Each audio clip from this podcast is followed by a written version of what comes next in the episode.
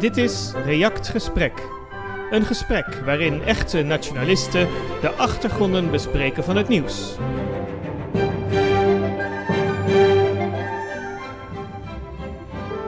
Buiten is het 14 graden. Binnen zit Sjors Remmerswaal.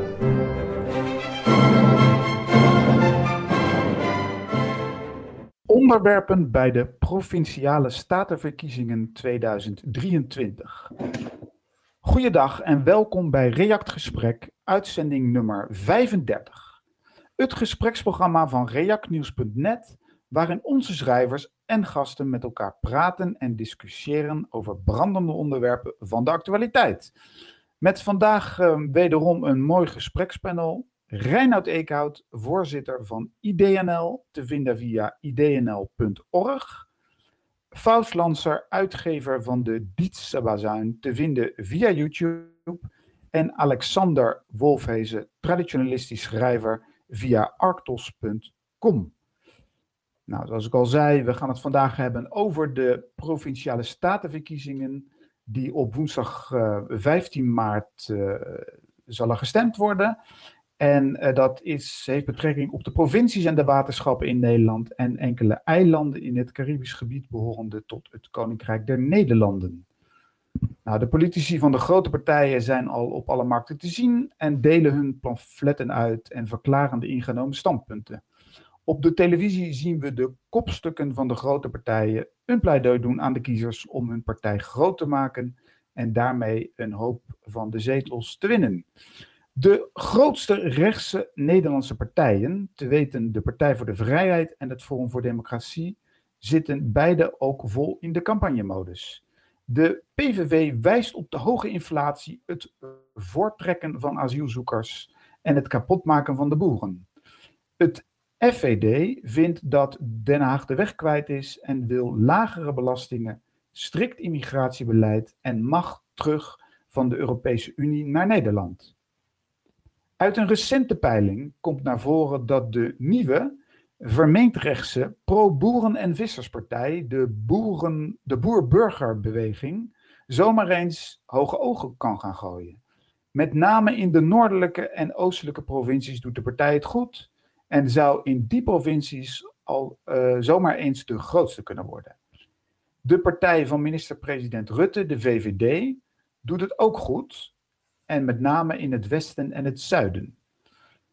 Het behoeft nog uit te leggen dat winnen bij deze verkiezingen ook gevolgen heeft voor de keuze van de senatoren die in de Eerste Kamer gaan zetelen.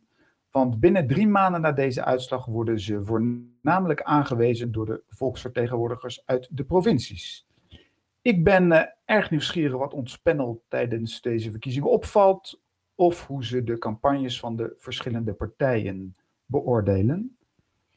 Nou, Reinoud, jij hebt uh, gekeken naar hoe de VVD uh, de nieuwe partijen tracht de wind uit de zeilen te nemen. Vertel. Ja, nou dan uh, een aardig uitgangspunt is daarbij um, een artikel in het VVD-blaadje, de Telegraaf. daar stond een artikel in, um, de VVD kraakt de linkse wolk. Want dat is slecht voor de hardwerkende Nederlander. De hardwerkende Nederlander. Hoe lang is het geleden dat we daarover gehoord hebben bij de VVD? Uh, Rutte, die waarschuwt, in de, die, die is eigenlijk bezig het, uh, het lijk van Den Uyl op te graven. Om te proberen met, uh, met hem dus de kiezers angst aan te jagen voor linkse hoge belastingen. zoals in Den Uyl in de jaren zeventig het geval zou kunnen zijn. Opvallend is natuurlijk wel dat Rutte weet niet meer wat er twee weken geleden is gebeurd. Hè. Die heeft een redelijk selectief geheugen. Maar hij weet nog wel hoe slecht Den Uyl voor het land was. En ja, laten we wel wezen, hij probeert dus deze verkiezingen te maken, te laten gaan over belastingen. Maar ja, uh, waar kan het eigenlijk anders over gaan dan immigratie? Alle pijnlijke onderwerpen die wij te bespreken hebben, die hangen samen met de massale import van mensen. En bovendien, kijk, Rutte is premier sinds 2012. En de CBS-cijfers over de collectieve lastendruk laten zien dat er tussen 2013 en 2022 de, de lastendruk is gestegen van 35,5 naar 39 procent. Dus sowieso is dit goedkope verkiezingsretoriek. Maar ja, goed, van de VVD moeten we nog steeds bang zijn voor Joop den Uyl. Maar ja, onder den Uyl had Nederland geen massale immigratie. Hè? Uh, uh, toen hadden we nog wel een krijgsmacht. We hadden een lage staatsschuld. Een eenverdiener kon een huis kopen. En ja, niet een kwart van de leerling kwam als analfabeet van school.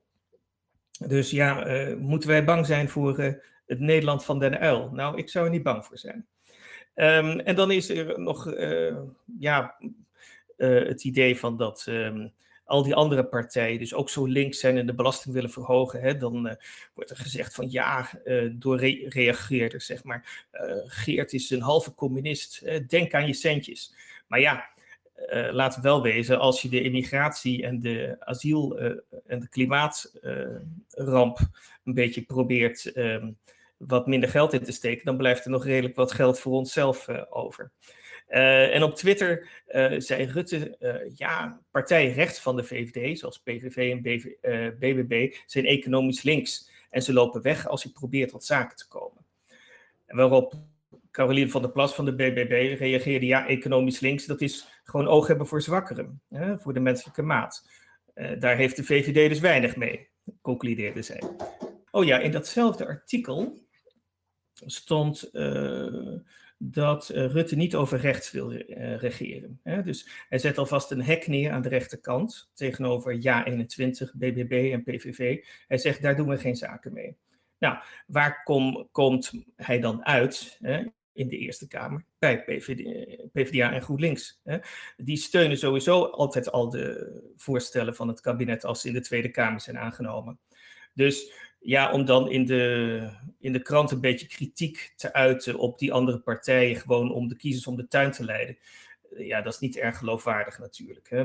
Uh, en sowieso staan VVD en PvdA en GroenLinks uh, op de grote dossiers, zoals immigratie, staan ze gewoon aan dezelfde kant.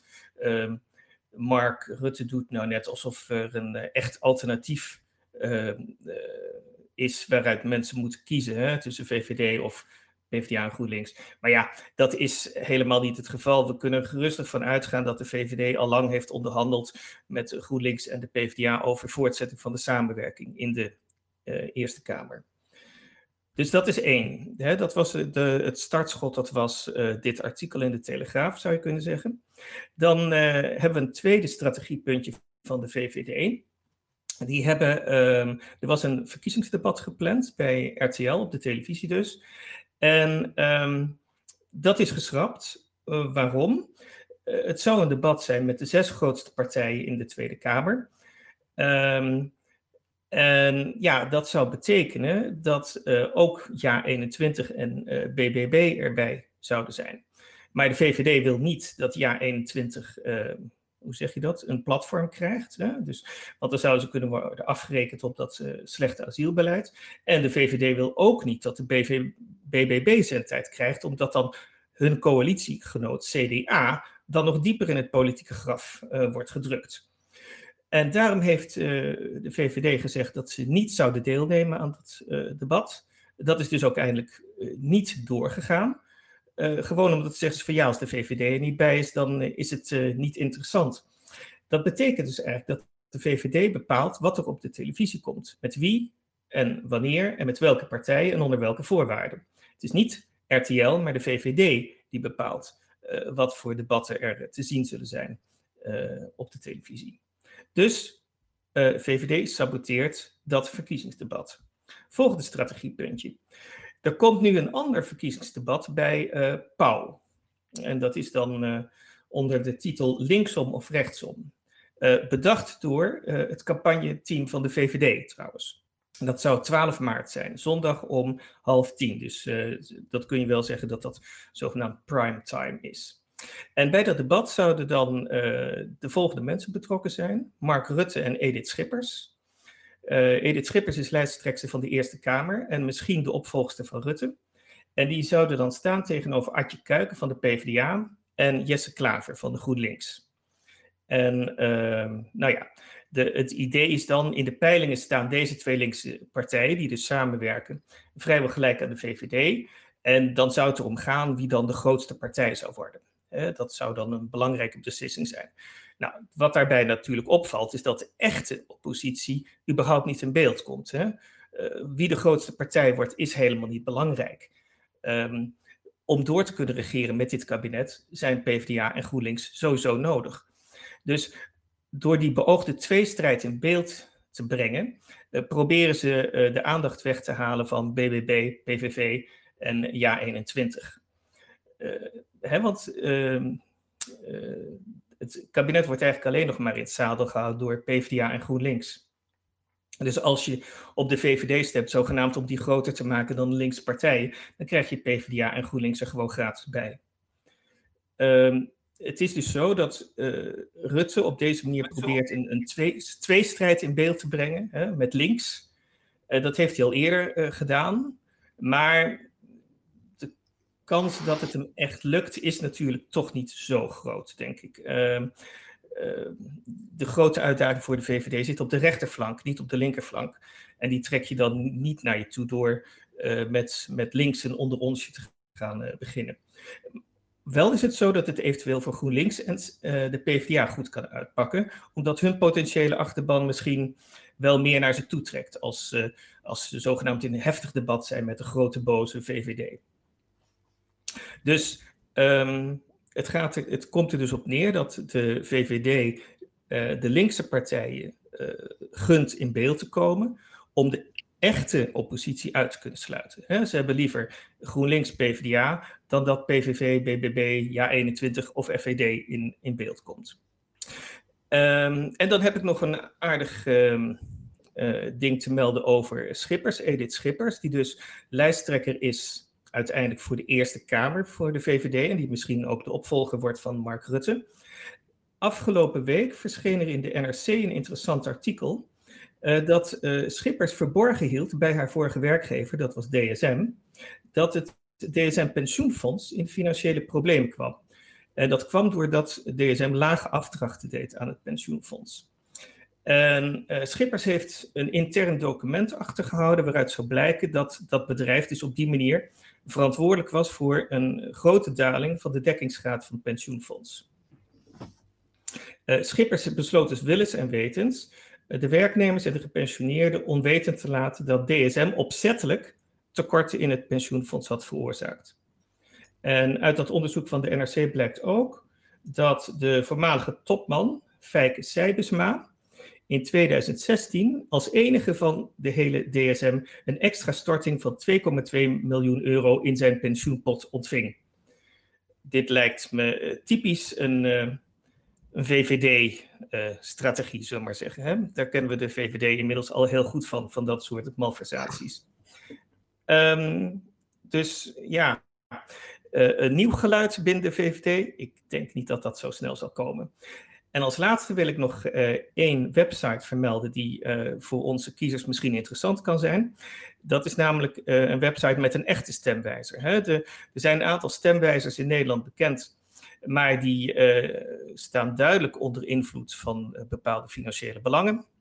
En er is ook een stemwijzer, dat, die, die heet de, de echte stemwijzer.nl. En die is heel interessant, want die. Um, laten zien hoe de partijen werkelijk gestemd hebben. dus eh, er worden een aantal moties uh, uh, in beeld gebracht, waarop je kunt aangeven of je het er wel of niet mee eens bent, ongeveer 30. En je kunt ook aangeven welke onderwerpen je het belangrijkste vindt. En als je dat allemaal bij elkaar neemt, dan kom je op een redelijk reële keuze uit. Tenminste, bij mij vond ik de uitkomst ja, precies zoals je zou mogen verwachten in feite. En dat, uh, ja, dat zal niemand verbazen, maar ik kwam dus toch wel uit bij de echte oppositiepartijen. Of nou ja, wat wij in Nederland dan voor oppositiepartijen kunnen noemen. Uh, dat was zeg uh, PVV, FVD en BBB. Dus um, ik zou het onze luisteraars die eventueel nog twijfelen echt aanraden. echte stemwijzer.nl het is, uh, het is een heel aardige website. En vooral dus omdat ze niet baseren op partijprogramma's of zo, want je kunt wel zoveel beloven, maar op het werkelijke stemgedrag van de verschillende partijen. Reinoud, eh, bedankt met, deze, met dit verhaal over de rol van de VVD uh, eh, in deze verkiezingsstrijd. Uh, Faust wil reageren naar aanleiding van de levenskosten. Ja, ik heb een aantal observaties hierover en dan wil ik ook een, een beetje wat dingen kaderen. het eerste is, um, ik zit de laatste tijd veel in Zeeland, Goeree en de Nissewaard en daar zie je ook echt, zeg maar, die, die verschil met de Randstad. Je ziet daar overal inderdaad promotie voor de boer-burgerbeweging. En, en dan in steden zoals Spijkenisse, arbeiderssteden, zie je heel veel posters voor JA21, FVD, PVV. Um, en dat zie je dan natuurlijk weer niet wanneer je richting Den Haag, Utrecht, Amsterdam gaat. Dus je ziet natuurlijk weer die scheidslijnen in uh, Randstad versus provincie. En uh, het verbaast me ook echt hoeveel je van de boer-burgerbeweging ziet. Niet alleen van boeren, maar ook in kleinere dorpen en dergelijke. Um, dus ik denk dat we die inderdaad wel in de gaten moeten houden. Daar kom ik zo even op terug. Um, de VVD heeft denk ik wel een slimme aanpak genomen hierin met uh, het focus op de economische uh, aspecten tijdens deze campagne. Want we hebben natuurlijk uh, een feitelijke recessie. De levenskosten zijn hoog. Um, er is 16% daadwerkelijke inflatie geweest in het laatste kwartaal van het vorige jaar. Dus um, mensen zijn wel bezorgd om hun portemonnee. En dan is een argument over dat links het leven duurder gaat maken.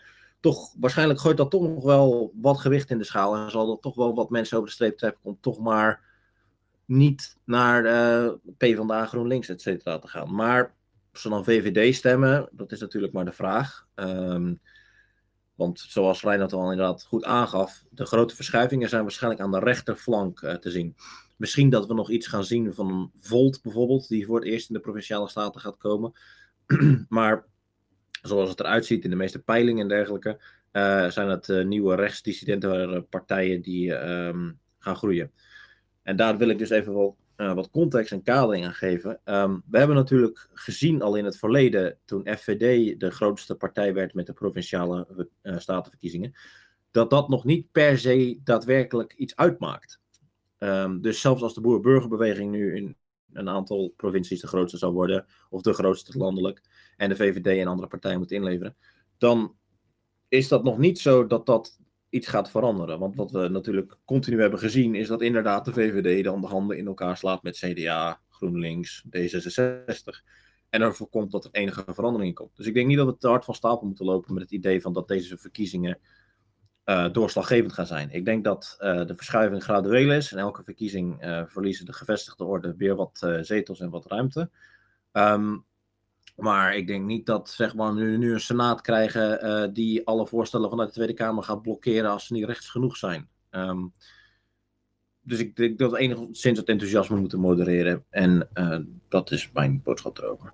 Ja, het is ook mij, bedankt daarvoor uh, Faust, het is ook mij wel opgevallen dat de programmering van de VVD en met name dan inderdaad Rutte heel goed is op de televisie.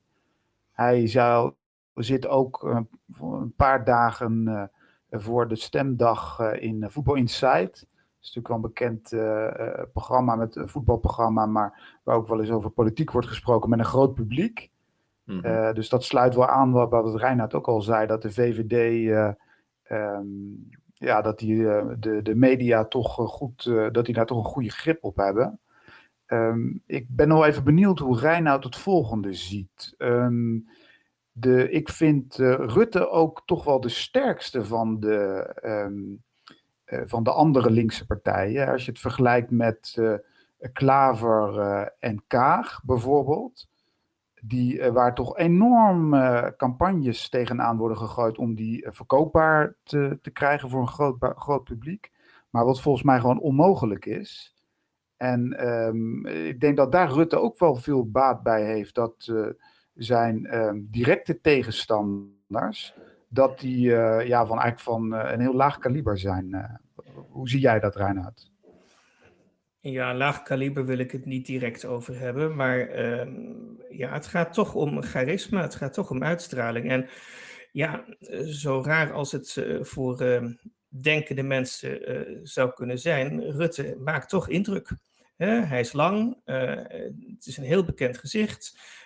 hij weet alle moeilijkheden perfect te ontwijken, lijkt het wel. Hij zou al lang gevallen hebben moeten zijn met zijn kabinet en weggestuurd, maar ja, er zit teflon aan die man, lijkt het wel.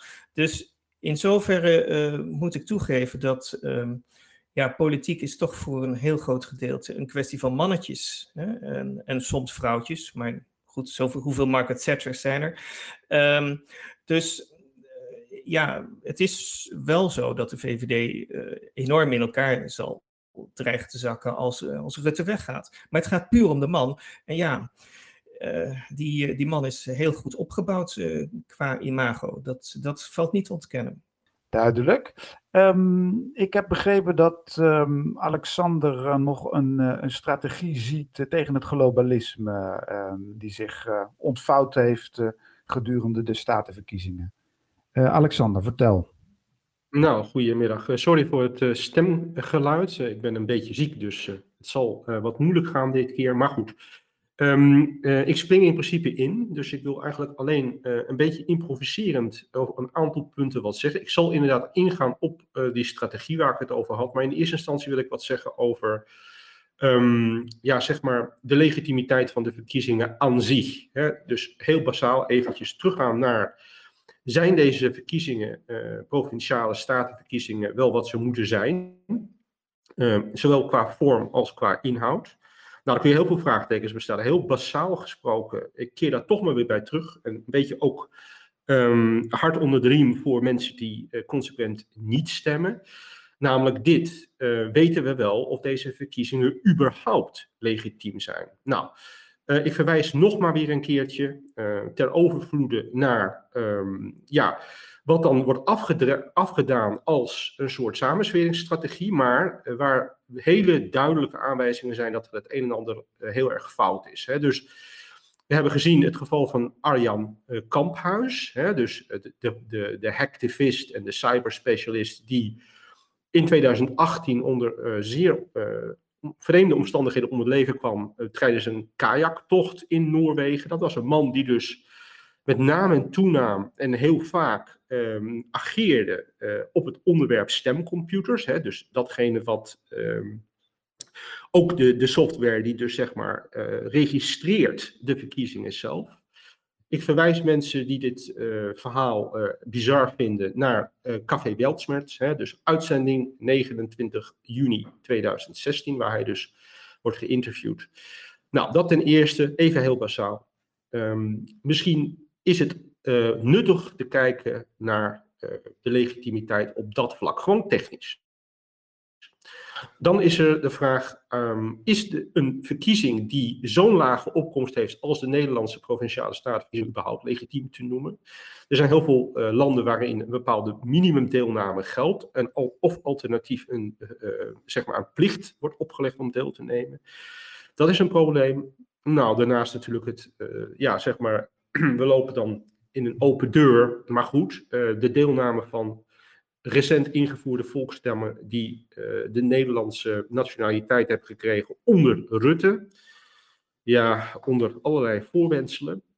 Ja, die gaan dan gewoon meedoen met mensen die dus uh, honderden jaren geworteld zijn in de provincies. Op basis van demografische um, um, en kwalitatieve gelijkheid. Nou, dat zijn allemaal vraagtekens die je kunt stellen bij deze verkiezing. Maar eventjes helemaal af, afgezien daarvan. Um, Reinoud die noemde dus zeg maar de, de nationale synchronisatie, centralisatie van deze provinciale verkiezingen in debatten, in um, de nationale pers. Hè. Dus er wordt een nationaal debat gevoerd over de provinciale statenverkiezingen. Nou, dan moet je toch wel een beetje op de verkeerde weg zijn. Het gaat natuurlijk um, hier om de grote tegenstelling die bestaat in Nederland. A, tussen Randstad um, en de buitengewesten, zullen we maar zeggen. En de gewesten onderling. Uh, hele grote verschillen, niet alleen qua cultuur, maar ook qua economie. Um, belangen die totaal anders liggen vaak. En die dus ook hele andere discussie nodig zouden hebben. Nou, ik verwijs in dat verband. En dan komen we dus uh, bij mijn strategie in de buurt naar uh, de geschiedenis. Uh, de Nederlanden waren de Nederlanden meervoud. Hè, dus meervoud. Het waren een aantal staten die uh, een confederatie vormden, net als Zwitserland dat nog is. Waar dus een hele grote mate van autonomie binnen de gewesten bestond. En dat had een reden. De reden daarvoor was dat er een hele grote afwijking was in de belangen, in de identiteit En in ehm, het soort economie dat die gewesten hadden en die historisch gegroeid waren op een hele organische manier. Nou, daar doet de huidige uh, politiek helemaal geen recht aan. Hè? Dus zeg maar, die heeft dat eigenlijk helemaal gelijkgestaltet. En wat je dus ook ziet, is dat uh, de belangen van de provincies uh, in principe het demografisch, met demografisch gewicht, um, worden bepaald. Dus de Randstad heeft in feite nu in Nederland, um, ja, zeg maar het voor het zeggen. Als we het even heel cru um, uh, economisch bekijken, zou, je dat kunnen stellen. Het is natuurlijk zo dat daarboven elitaire belangen hangen en globalistische belangen, belangen die nog veel meer aansturing geven. Maar het is dus zo dat, dat de Randstad, dat, is dat wordt beschouwd als uh, het enige essentiële uh, motordeel van de Nederlandse economie. De rest dat zijn, wordt behandeld als aanhangsels. En ik denk dat dat heel erg fout is. Um, je zou je dus de vraag kunnen stellen: wil je überhaupt um, in de provinciale verkiezingen deelname van zogenaamde nationale partijen? Wil je dat überhaupt? Um, en als je dat al wilt, wil je die partijen dan dat op landelijk niveau met landelijke lijsttrekkers uh, in debatten uh, laten uitvechten?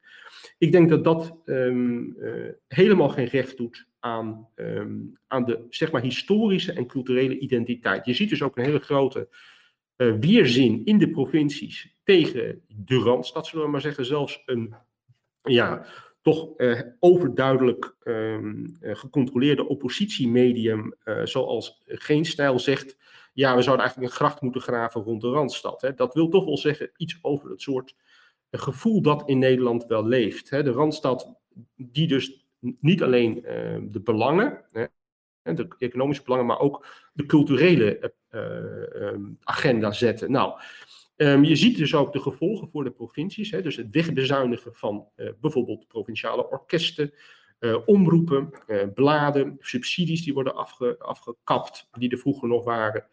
Die allemaal landelijk worden bestuurd. Hè, dus de provinciale inkomsten zijn uitermate gering. Dat was vroeger heel anders.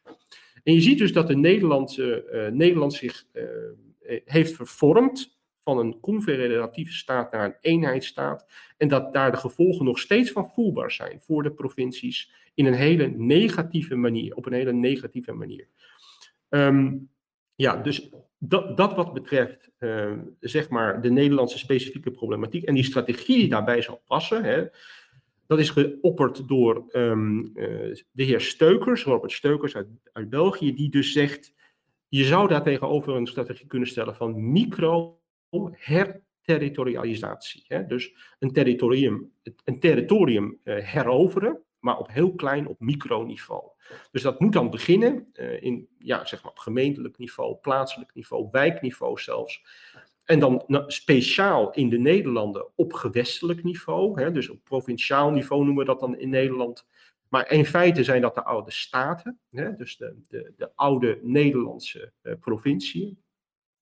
Nou, je, je, zou je dus kunnen voorstellen dat het eigenlijk heel goed zou zijn om uh, macht te devolueren naar de provincies en daaronder naar de gemeente. En dus hele substantiële machtsmiddelen en ook uh, belastingrechten over te dragen van het centrale regime wat er nu zit naar de provincies. Dat zou een zeer adequaat mechanisme zijn om um, ja, zeg maar de tanden te trekken uit het, um, ja, het, zeg maar de, de die nu als een soort octopus boven uh, Nederland hangt.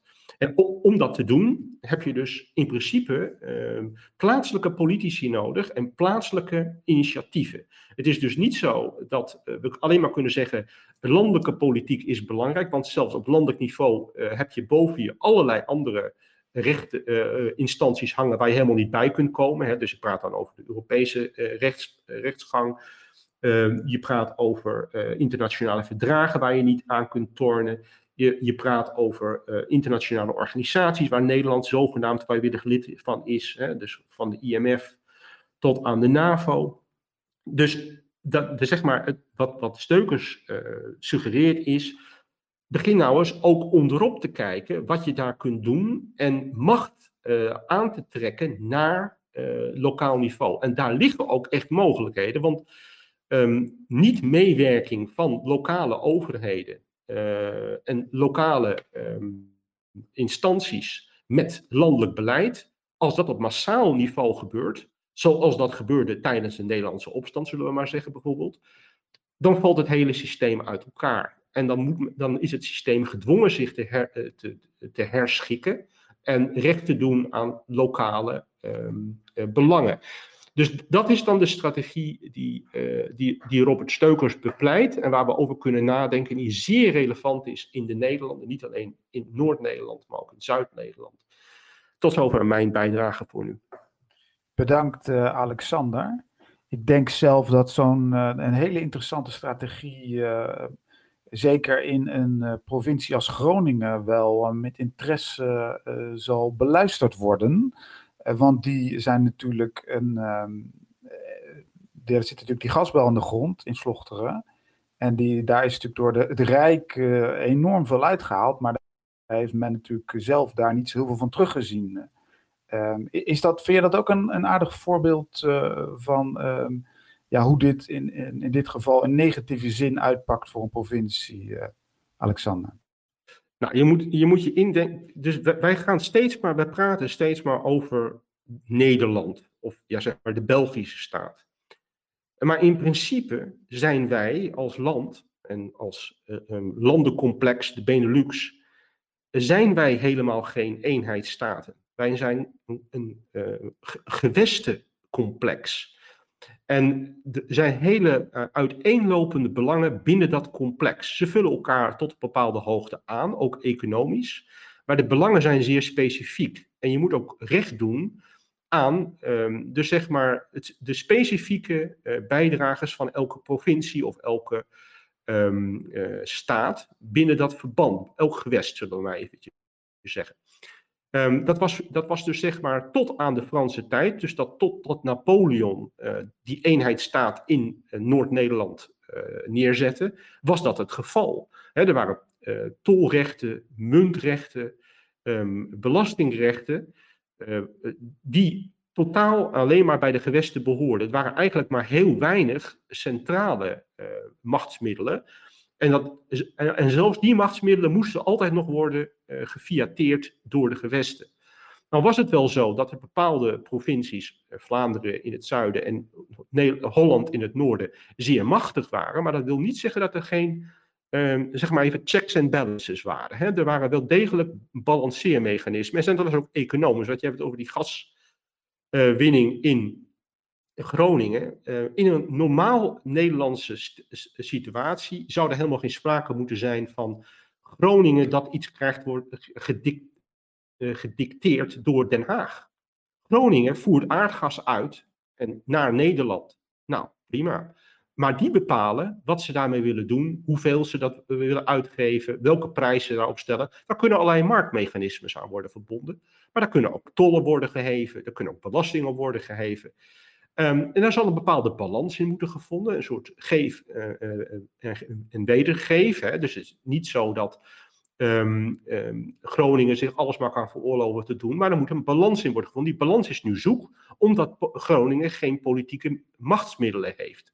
In principe is het totaal gelijkgeschalkt. Ja, officieel is er, is, is er een provinciale statencomplex, maar in de praktijk heeft dat helemaal niets te zeggen. Er is ook een commissaris van de koning aangesteld dat is in feite een soort gouverneur. Dat is iets heel anders dan wat, hoe het vroeger in de republiek in elkaar zat. Hè. Toen was er een stadhouder en die had de rechten van elk gewest voor, zichzelf, um, voor dat gewest te behartigen. Ik denk dat, dat die balans nu volledig zoek is. En dat geldt niet alleen maar voor Groningen. Limburg heeft ontzettend geleden onder uh, de gedwongen uh, sluiting van de mijnen in principe. Gelderland, de Achterhoek, heeft heel erg geleden onder, uh, zeg maar, het um, ja, door economische, nationale economische politiek um, uh, verwijderen van de textielindustrie. Dus er zijn allerlei uh, misstanden ontstaan in de provincies. Uh, een gewest als Brabant heeft ook ontzettend geleden onder deindustrialisatie. Dus je, je kunt allerlei voorbeelden bedenken. Groningen is dan het meest schrijnende. Uh, maar het is misschien inderdaad wel goed wat je zegt, want dat wijst mensen op uh, hoe het anders zou kunnen. Hè? Dus dit is een alternatieve strategie uh, voor het landencomplex der Nederlanden. Duidelijk verhaal. bedankt, Alexander. Ehm, inmiddels is Florence van der Kooi ook aangeschoven. Ehm, hij is de landelijk actieleider van Voorpost Nederland. Ze hebben een website, voorpost.org.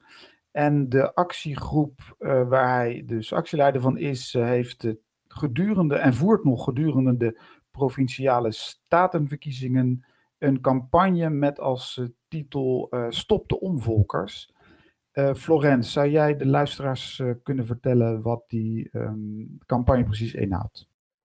Wij zijn um, al een tijdje geleden begonnen met de campagne Stop de Omvolkers. Met omvolkers bedoelen wij de beleidsmakers die verantwoordelijk zijn voor, het, voor de afname van het aantal Nederlanders en Vlamingen. En uh, toename door massa-immigratie van het totaal van de bevolking. Wij we zien dus twee bewegingen. Het aantal Nederlanders en Vlamingen neemt af omdat er simpelweg minder kinderen worden geboren als dat er hè, voornamelijk ouderen sterven. Um, dat heeft ook zijn redenen. Uh, je hoort veel dat Vlamingen en Nederlanders um, uh, ja, gezien omstandigheden minder kinderen willen nemen, om het zo maar te zeggen. Um, ja, en het tweede is natuurlijk dat de, uh, er is een massa-immigratie, die is natuurlijk al in de jaren 60, 70 van de vorige eeuw op gang gekomen. maar die neemt nu wel een hele ja, grote omvang aan. Het is echt uh, massa-immigratie XL. En um, uh, ja, vorig jaar is Nederland uh, qua inwonertal gegroeid met 400.000 mensen. Um, ja, dat is gewoon een immens groot aantal. Um, er zit natuurlijk een stuk uh, Oekraïners bij, moeten we eerlijkheidshalve toegeven. Maar alsnog is het een enorm groot aantal. En dat geeft druk op onze samenleving. Allerlei praktische voorbeelden zijn natuurlijk de, de, de huizencrisis, de gezondheidscrisis, de, de, de massa-immigranten die maken bepaalde dingen in de samenleving uh, veel meer gebruik van dan Nederlanders en Vlamingen. Uh, denk aan uh, sociale voorzieningen, sociale huurwoningen. En um, wij Nederlanders komen daardoor achteraan in de rij te staan. Dus het is, um, ja, het is aan enerzijds ook hè, dat echt de bevolking wordt vervangen voor vreemde bevolk bevolking. maar er wordt ook beleid gevoerd door de, de regering om de inheemse bevolking, hè, de oorspronkelijke Nederlanders en Vlamingen, om die zich niet meer thuis te laten voelen. Bij het minst of geringste kritiek op onze cultuur of op onze gewoontes of tradities, dan, uh, um, ja, dan worden de excuses aangeboden en er worden er grote geldbedragen overgemaakt aan allerlei duistere organisaties, die vervolgens nog meer campagnes kunnen voeren tegen onze cultuur. En dat is precies waarom Nederlanders en Vlamingen zich niet meer thuis voelen in eigen land. Um, en ik sluit me daarbij aan bij, uh, ja, bij een gedeelte van wat ik heb gehoord van Alexander. Um, dat er een groot verschil is tussen Randstad en uh, de provincie. Um, ja, in de Randstad wil men graag dit beleid, dit, uh, dit ander volk eerst beleid. Maar in de provincies merk je toch dat mensen veel minder van dat willen. Alleen de, de grote politieke partijen, de, de, VVD, D66, GroenLinks, CDA, die hebben hun tentakels zover in de samenleving, zover in de provincie ook zitten, middels de partijafdelingen, um, dat eigenlijk al, moest er één tentakel al zeggen van nou, we, doen niet mee met, uh, met het, uh, het, plaatsen van bijvoorbeeld asielzoekers in sociale huurwoningen. Dan zijn er genoeg andere tentakels die dan die ene opstandige tentakel het niet kunnen doen.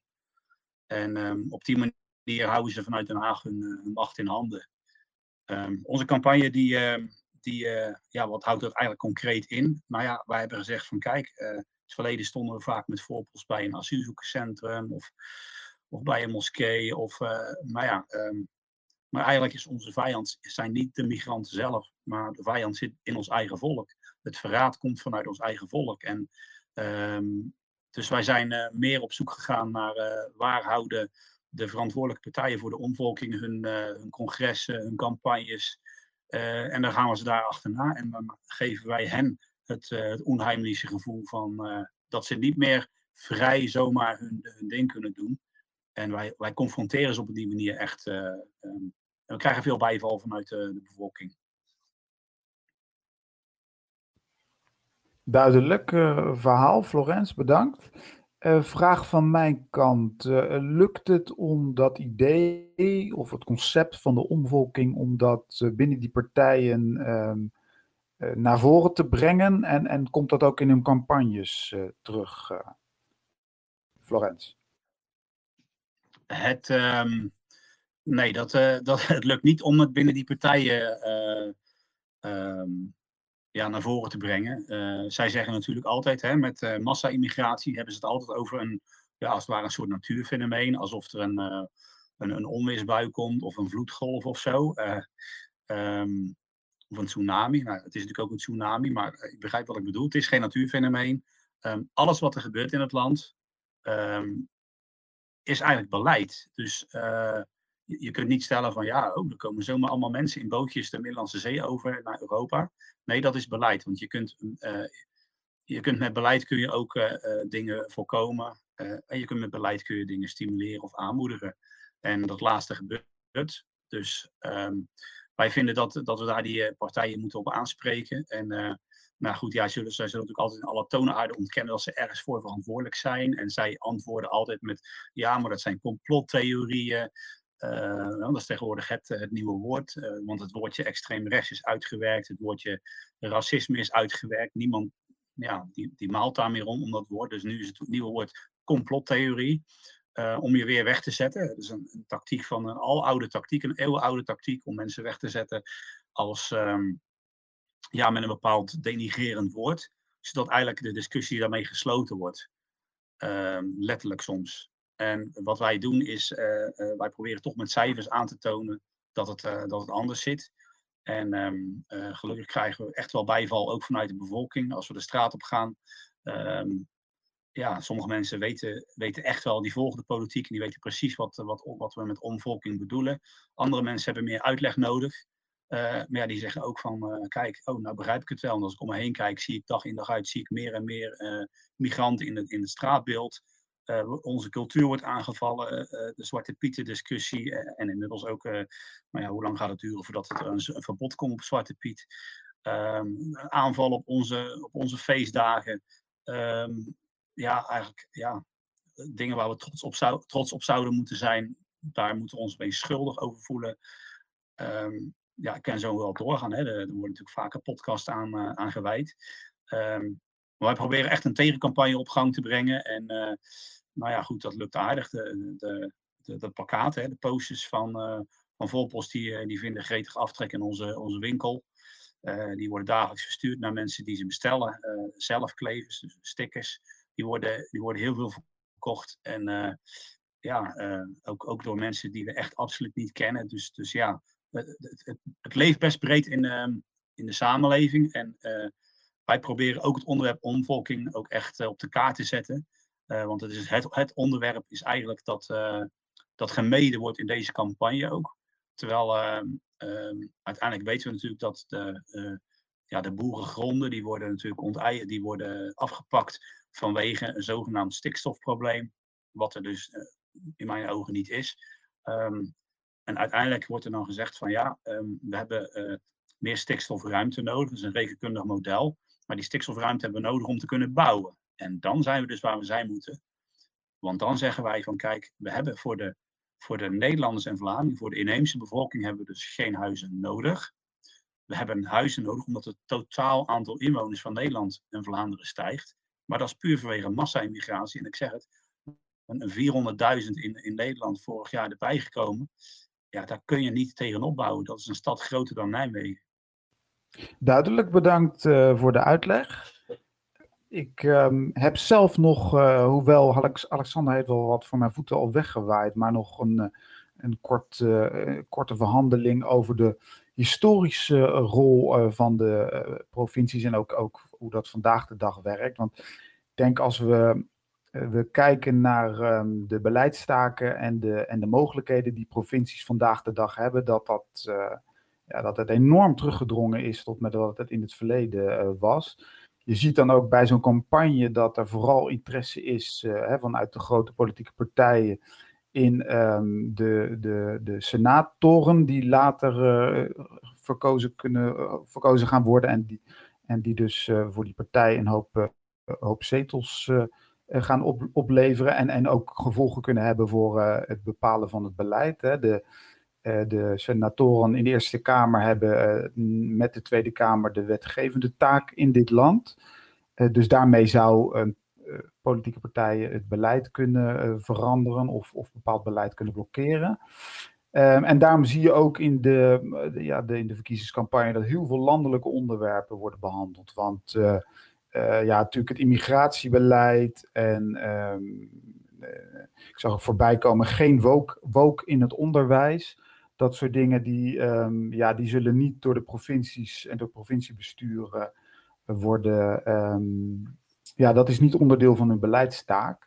Nou, wat is dat wel? Um, wat doen zij? Hè? Landelijk uh, en eigen beleid. Vooral dus veel beleid uh, landelijk.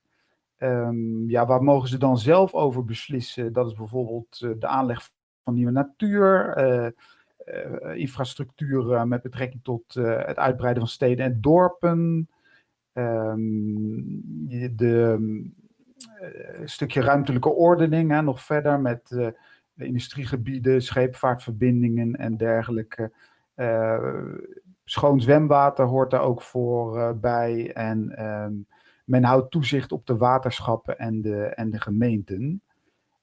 Bijvoorbeeld door de jaarrekeningen te, te goed te keuren. En nou, um, een stukje geschiedenis, um, zeg maar die rol waar ik het over sprak van de provinciale staten of de provincies, is, is niet, uh, niet zomaar gekomen.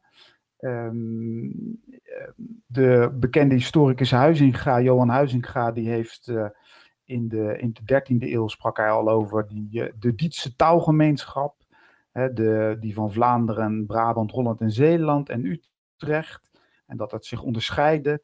En um, ik denk veel nationalisme zien ook dat wel een beetje het moment. Hè, dan zeker met de Gulden Sporenslag als het, het, begin van Nederlandse identiteit. En dat zal dan tijdens de 80-jarige oorlog uh, um, uh, definitief ontwikkelen in ook een, een statenverband. En dan inderdaad als eerste met vooral wat toen de tijd de staten waren.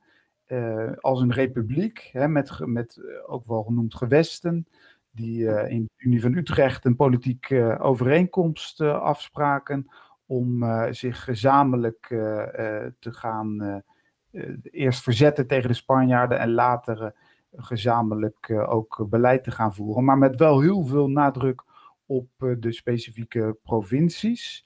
Um, nou, zoals Alexander ook al aanhaalde, is dat grotendeels veranderd met de Ehm, de, de Franse bezetting hè, van, van 1800, 1815, toen um, Nederland ook een koninkrijk werd, en, of definitief een koninkrijk werd, en waarin de provincies veel minder macht hebben gekregen. Uh, kregen ook de provincies een uh, commissaris van de koningin, die, uh, ja, die dus inderdaad rechtstreeks vanuit het Rijk kwam en niet langer de zelfstandigheid genoot. Nou ja, en dan vanaf, 18, eh, of vanaf 1986 uh, eh, met Flevoland zijn we op de twaalf provincies gekomen die we vandaag de dag hebben. Nou, wat, wat valt op, um, dus vandaag de dag, is die enorme schaalgrootte. We hebben al um, gezien dat heel veel gemeentes ook zijn samengevoegd. En dat de provincies met name vanuit het Rijk worden opgelegd om, om taken uit te voeren. Nou, een hele actuele taak is die de provincies hebben toegewezen gekregen door de minister Hugo de Jonge. Eind 2022 is dat ze de woningbouwafspraken zijn, hebben opgelegd gekregen. Maar liefst 900.000 nieuwe woningen. En die moeten voor 2030 worden gerealiseerd. En daar zijn echt al de nodige afspraken over, over vastgelegd.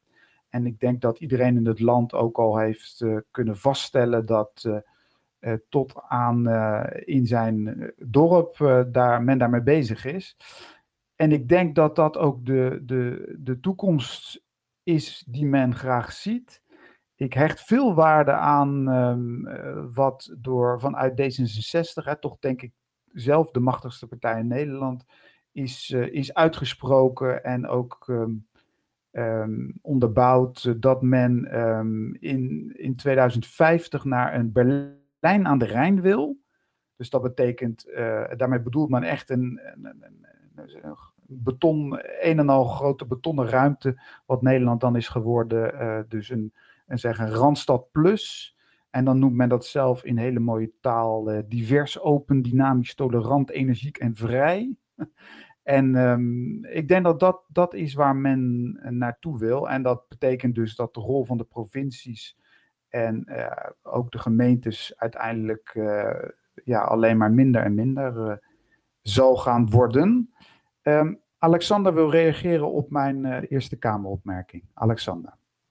Nou, ik denk dat je dat heel goed aangaf. Dus dat um, de Eerste Kamer uh, heel veel invloed. Wat, wat er in de Eerste Kamer aan, aan machtsposities bestaat, heel veel invloed heeft op de provinciale verkiezingen. Dat is ook hetgene wat dus de motivatie is voor landelijke politici om zich te mengen, ja, binnen te dringen in dat provinciale statendebat. Want hun machtspositie wordt natuurlijk geschraagd uh, op een heel kunstmatige Eerste Kamer meerderheid die ze, die ze moeten zien te verwerven voor hun wetten.